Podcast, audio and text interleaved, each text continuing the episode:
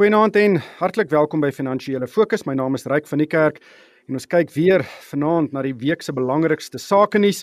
My gaste is Jaco van Tonder, hy's hoof van adviesdienste by die Batebestuursgroep 91. Goeienaand Jaco. Goeienaand Ryk, goeienaand aan die luisteraars. En ook Dr. Christie Viljoen, hy is 'n ekonom by die internasionale audit en konsultasiegroep PwC. Goeienaand Christie. Naand Ryk, Jaco en die luisteraars. Christie, ons het 'n ongelooflike week gesien. Ons het gesien dat 'n staat van inperking in werking gestel is. Die Reserwebank het begin om staatseffekte in die sekondêre mark te koop. Dis so 'n tipe van 'n kwantitatiewe verruimingsprogram. Die beurs het met 7% verbeter en Vrydag aand het Moody's ons uiteindelik afgradeer en uh dit is eintlik een van die weke wat mens so stil staan en kop krap. Wat is vir jou die die belangrikste dinge wat hierdie week gebeur het? Ryk, ek dink die belangrikste ding is dat die spoed teenoor dinge die afgelope tyd gebeur is net besig om toe te neem. Ons praat nou hier vanaand oor die afgelope week. As ons kyk na wat alles in die afgelope maand gebeur het, 'n maand terug het ons nog nie in Suid-Afrika enige plaaslike infeksies gehad nie. Dit was net na die begrotingsrede, so ons was glad nie bewus van waar ons op hierdie stadium sal staan nie. Ek dink wat vir my die die meeste uitstaan as ekonom is natuurlik nou vanaf middernag donderdag wat meeste van ons ekonomie se mense basies by die huis sit. Die president gesê het ons moet onsself by onsself hou in ons huise in 'n poging om hierdie situasie te beveg.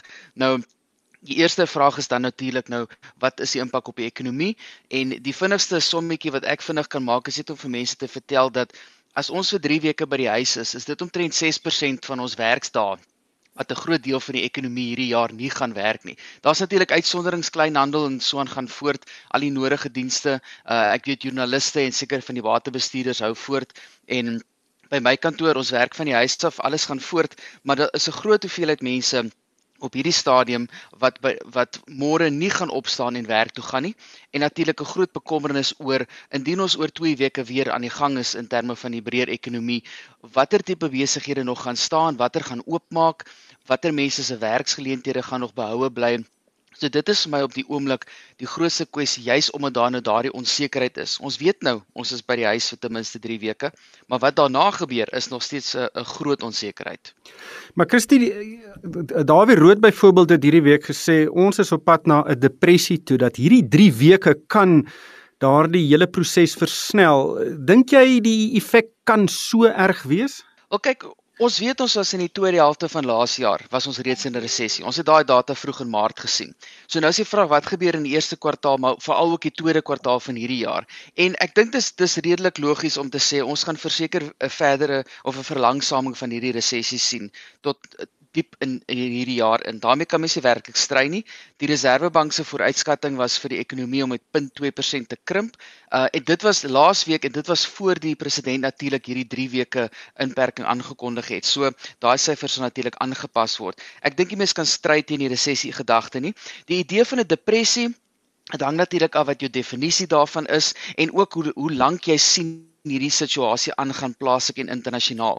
Ons as ekonome word baie keer gevra gevra of soms uitgevang wanneer ons verkeerd is met 'n voorspelling en dan dan vra mense maar hoe kon jy dit so verkeerd kry? Dan moet ek verduidelik dit kom neer op aannames. So as jy aanneem dat die ekonomie vir net 3 weke gaan stil staan, dan kan jy nou 'n syfer bereken. As jy glo ons gaan vir meer as 3 weke ingeperk word, dan raak daai syfer al hoe erger en erger. Nou op hierdie stadium weet niemand presies wat gaan gebeur met hierdie inperking wat die president opgestel het nie. So jou vooruitskattinge en jou voorspellings vanaf ekonome op hierdie stadium gaan baie wyd wees, van baie lig tot baie diep. So ek gaan nie enigiemand kritiseer met 'n kom ons noem dit 'n vlak of 'n diep vooruitskatting nie. Ons moet net realisties wees dat al hierdie goed word gebaseer op aannames wat ons sukkel om te maak want hierdie is 'n een keer in 'n 100 jaar geval. Hierdie is nie iets wat ons in 'n ekonomiese model het wat jy sommer 'n knoppie kan druk en dan gee vir jou antwoord nie. Ons is almal hierso soos ons nou in Engels sal sê in new territory. Jaco, wat sê jou kristalbal? Ryk ek dink 'n uh, mens moet realisties wees op hierdie goed om ek dink om te probeer om die toekoms te voorspel is um is 'n gevaarlike speletjie want want jy kan ver verkeerd wees. So mens moet hierdie ding vat soos wat hy kom. Ek dink wat ons moet besef is dat um die kon voorbeeld is vir my 'n uitstekende voorbeeld van van die tipe goed waarvoor 'n mens uitkyk wanneer ehm um, die jy die lyn tussen 'n resessie en 'n depressie begin seil. En dit is eintlik maar wanneer groot besighede fisies begin deure toemaak. 'n Besigheid kan 'n groot klomp ekonomiese stres hanteer voordat die uh, die besigheid tegnies insolvent raak en die aandeelhouers basies besluit om te probeer om 'n handdoek in te gooi en die besigheid toe te maak. En ek dink die die die aankondiging van Edcon op Vrydag en in in einde verlede week oor oor dat hulle eintlik nie eens in 'n posisie is om om net hulle eie salarisse te betaal en geen ander uh rekeninge nie is is vir jou 'n aanduiding of 'n voorbeeld van wanneer jy op daai lyn begin beweeg. En die vraag is maar altyd hoeveel ander besighede in Suid-Afrika is daar wat voor die president se aankondiging van verlede week reeds naby aan daai lyn was. Weet waar dat hulle besig was om om geld mooi te moet hanteer en kontantvloei mooi te moet bestuur ten einde rekeninge en salarisse te kan betaal. Ons weet daar's 'n groot klomp besighede wat betrokke was by staatskaping wat hulle self in daai posisie bevind het. Ehm um, maar daar's ook heelwat besighede wat aan die regterkant van die ekonomie opereer wat ook baie naby moes wees. Kon kan nie die enigste een wees nie. En die vraag nou is weet wat, hoeveel van hulle gaan in daai selfde posisie wees waar indien ons miskien 'n verdere week verlangsaming kry van die inperking wat op hierdie stadium die moontlikheid is wat ons nie kan ignoreer nie. Weet wanneer op watter punt kom jy wanneer van daai besighede besluit om te sê luister is eintlik beter vir ons om nou toe te maak en dis dan wanneer jy regtig die groot houe in jou ekonomiese groei begin kry want een van jou lokomotiewe in die ekonomie uh, gaan dan eintlik uit besigheid uit en en dit is bitter moeilik om sulke goed te voorspel maar ek dink op hierdie stadium met die onsekerheid wat ons het is al daai nog in in spel en mense kan nie sê dit gaan nie gebeur nie. So ek dink ons moet maar kyk en wag. Maar Christie, die die grootste hou gaan kom in die klein sake sektor baie ondernemings kan nie vir 3 weke geen inkomste kry en dan ewe skielik verwag om salarisse te betaal, nie volle salarisse nie en baie gaan werkers moet afdank. En ek dink die impak gaan baie meer duidelik wees as ons sien hoeveel van daai besighede gaan vou. Ja, dit is 'n bitter groot bekommernis want klein sake is waar jy eintlik veronderstel is om meeste van jou nuwe werksgeleenthede te skep. In die geval van Suid-Afrika is ons, ek wil amper sê, laer as die globale gemiddeld in terme van hoeveel werk geskep word deur klein sake en dit is maar net deel van 'n uh, 'n groter gesprek oor die hoe moeilik dit is vir klein besighede om by te bly met al die nodige papierwerk, die regulatoriese vereistes en so voort. So dit is 'n situasie wat ons in enige gegeewe jaar sou gehad het. So klein sake het reeds gesukkel voor hierdie situasie gebeur het. So kom ons dink nou vinnig, meeste van hierdie besighede sou laat in Maart maand hulle salarisse betaal het en dan moes hulle skielik toemaak. Nou dit is uh, as jy van die huis af kon werk of van in elk geval van die huis af gewerk het, is dit miskien makliker, maar ons moet realisties wees. Meeste klein sake besighede doen of 'n handel in goedere uh waar hulle produkte moet lewer en laat aflewer of dit is 'n diens wat jy lewer deur na 'n kliënt toe te gaan. Jy is miskien 'n loodgieter of 'n fotograaf, jy kan nie by die huis daardie werk doen nie. So daar is 'n groot groot inperking op die vermoë vir klein sake om nou besigheid te doen. Uh die bekommernis is natuurlik dat klomp van hierdie besighede nie weer sou kan oopmaak in wanneer ons klaar is met die inperking nie en dit het natuurlik 'n baie groot impak op ons werkloosheidssyfer wat nou reeds iets is waarop ons nou nie verskriklik trots is nie. Ek dink die regering het natuurlik 'n paar stappe geneem om te probeer help om hierdie situasie minder pynlik te maak. Daar is 'n verskeie programme en fondse aangekondig en ek weet klein sake het ingespring en dadelik geregistreer van daai webtuistes het sommer baie vinnig geknak uh met die met die poging om of te registreer as 'n 'n noodsaaklike diens of om te registreer vir hierdie finansiële hulp. Nou dit is maklik vir ons as Suid-Afrikaners om te kyk na ander voorbeelde oor see. Amerikaners die is 'n 2-3 miljard dollar pakket wat hulle nou goedgekeur het soortgelyke prosesse in Asië en Europa aan die gang. Ons uitdaging in Suid-Afrika is ons regering het werklik nie die geld op hierdie stadium om te kan spandeer op 'n fiskale stimulus of 'n tipe van 'n reddingspakket nie. Um, ons het gesien met die begroting laat in Februarie, die fiskale situasie is is in 'n regtig in 'n penarie. So dit is ook om nou 'n uh, 'n uh, verwysing by die finansiesminister te vat. Hierdie kon nie op 'n slegtere tyd gebeur het nie. So ek is seker ek sal ons almal sal wil sien dat daar 'n groter reaksie is, dat daar meer geld beskikbaar sal wees vir klein sake. Um in in die tipe voorbeelde wat ons oor see sien. Maar daai tipe van geld is nie op hierdie stadium beskikbaar by die regering nie, ongelukkig. Nee, absoluut nie. Jaco, baie mense dink dat die begroting wat in Februarie aangekondig is, is taamlik akademies op die oomblik. Die vooruitsigte is is is baie baie slegter. Die regering gaan minder belastinginkomste verdien.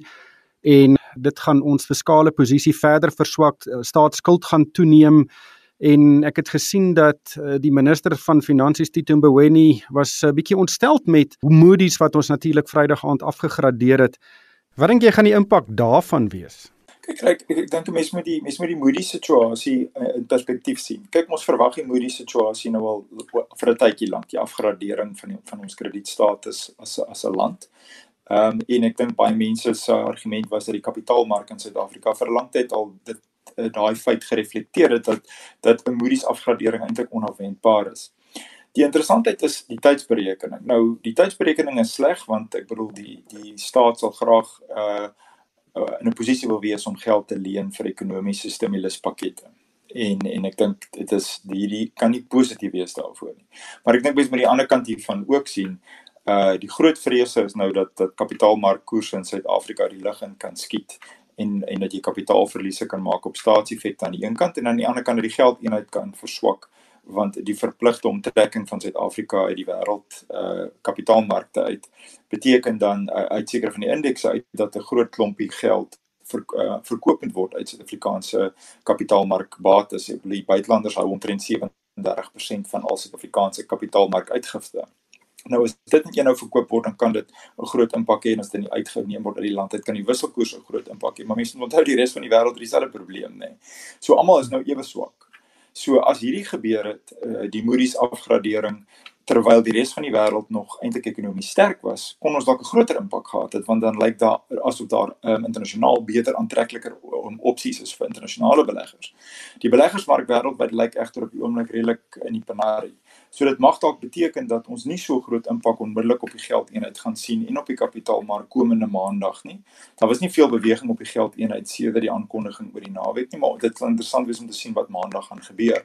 Want indien daar groot verkope van kapitaalmarkbates gaan plaasvind, sal dit heel moontlik iewers in volgende week begin en dan sal mense begin sien wat die impak is. So jy's reg, weer eens 'n klomp onsekerhede in spel hier wat ons nie regtig kan vaskap nie want hierdie is is terrein wat ons nog nooit voorop was nie. So dis amper maar 'n geval van om te probeer om 'n voorspelling te maak en 'n posisie daaroor te neem, gaan jy jou vingers brand. Ons moet wag en kyk. Maar Jaco, die Reserwebank het hierdie week ook toegetree tot die kapitaalmark. Hulle is besig om op die sekondêre markeffekte te koop. Dink jy dit gaan 'n verskil maak? kyk die die die hand was hulle hand was geforseer nê. Nee. Ehm um, ons het donderdag en woensdag begin sien dat likwiditeit in die Suid-Afrikaanse kapitaalmark opdroog en dit is nie 'n snaakse ding nie. Dit is bloot daar's net nie meer kopers nie want want almal is onseker wat gaan gebeur. Uh net soos wat ons nou ons geld in die bank eerder los as om langtermynbeleggings te maak as individue, uh doen groot internasionale instansies presies dieselfde. Totdat almal kan uitvind wat aangaan, is daar nie regtig meer kopers nie. So ons het likwiditeitsprobleme begin kry in die kapitaalmark en en die Reserwebank was eintlik geforseer om tot die sekondêre mark toe te tree en en basies likwiditeit te verskaf. Ehm um, dit gaan interessant wees om te sien hoe hierdie situasie nou na die Moody's afgradering volgende week moontlik kan vererger en of daar meer geld nodig kan wees vir hierdie tipe program om likwiditeit in die kapitaalmark te behou. Maar maar dit sal ons moet moet wag en kyk. Ek dink dis die Reserwebank se grootste enkele probleem op die kort termyn is om seker te maak dat die Suid-Afrikaanse finansiële markte kan aanhou verhandel uh want as jy 'n verhandelingsvries kry op op jou markte kan dit lei tot onnodige paniek en allerlei ander uh slegtes weet nagevolge wat eintlik onnodig is. So mense wil sover as moontlik seker maak dat jou markte kan steeds aanhou verhandel en ek dink dit gaan die Reserwebank se primêre uh doel wees in die in die volgende aantal weke. Christie, wat dink jy van die afgradering en die implikasies? Wel kyk ek soos Jaco sê, ons weet al lank dat hierdie gaan kom. Uh dit is omtrent 3 jaar na die ander groot graderingsagentskappe wat Moody's nou hierdie stap neem. Um hulle het vir ons baie ruimte gegee. Hulle was baie akkommoderend geweest en uh, tot en met net voor die begroting het hulle gesê maar hulle glo Suid-Afrika kan die veranderings maak wat nodig is en ek dink die die sentiment in die vrystelling hierdie week was was anders geweest. Hulle duidelik gemaak dat daar is 'n teleurstelling dat Suid-Afrika nie die stappe geneem het wat nodig is om die veranderings te maak om die fiskale situasie te verbeter nie. Uh natuurlik is daar ander uitdagings, die feit dat ons struktureel so 'n lae groei koers het en die situasie op die oomblik is dat as ons net vir 'n oomblik ignoreer die die die situasie rondom hierdie virus waarmee ons te doen het. Suid-Afrika se groeikoers is net te laag om by te hou met die tipe van spandering wat die regering van uh, volhou mee om dit so te stel. So ek is nie verbaas nie. Um, ek weet dat as jy kyk na wat die finansiële markte sê, hierdie ding is al reeds ingeprys. So ek dink die maklikste antwoord wat ek vir iemand gee oor wat is hierdie kwessie van Moody's nou, 'n maand terug met die begrotingsrede was Moody's se aankondiging die grootste belangrikste geval en en en besprekingspunt vir Maart maand hierdie jaar. En dit is skielik 'n aansienlike baie minder belangrike kwessie. Ons sit in Suid-Afrika nou met heelwat groter uitdagings. Ehm um, die fiskale situasie is nie erger weens die Moody's verandering nie. Dis erger weens 'n klomp ander faktore. Basies kortom die ekonomie wat baie stadiger groei en die regering wat nou hulle spandering aansienlik gaan moet aanpas na gelang van daai as ook behoeftes. Ons moet meer spandeer op gesondheid, ons moet meer spandeer op sekuriteit die polisie, die weermag, ons spandeer meer op hulp vir klein sake. So vir my is die die die die aanloop tot die Moody's uh, aankondiging, almal het gesit en wag daarvoor. Nou is dit verby. Ek is eintlik bly dat dit gebeur het. Dis een minder ding vir die tesorie en die regering om oor te bekommer. Dis 'n klein stukkie van sekerheid wat ons nou het in hierdie groot wêreld wat ons nou glad nie ken nie. So ek eh, ek is op hierdie oomblik nie werklik bekommerd oor graderingsagentskappe te veel nie.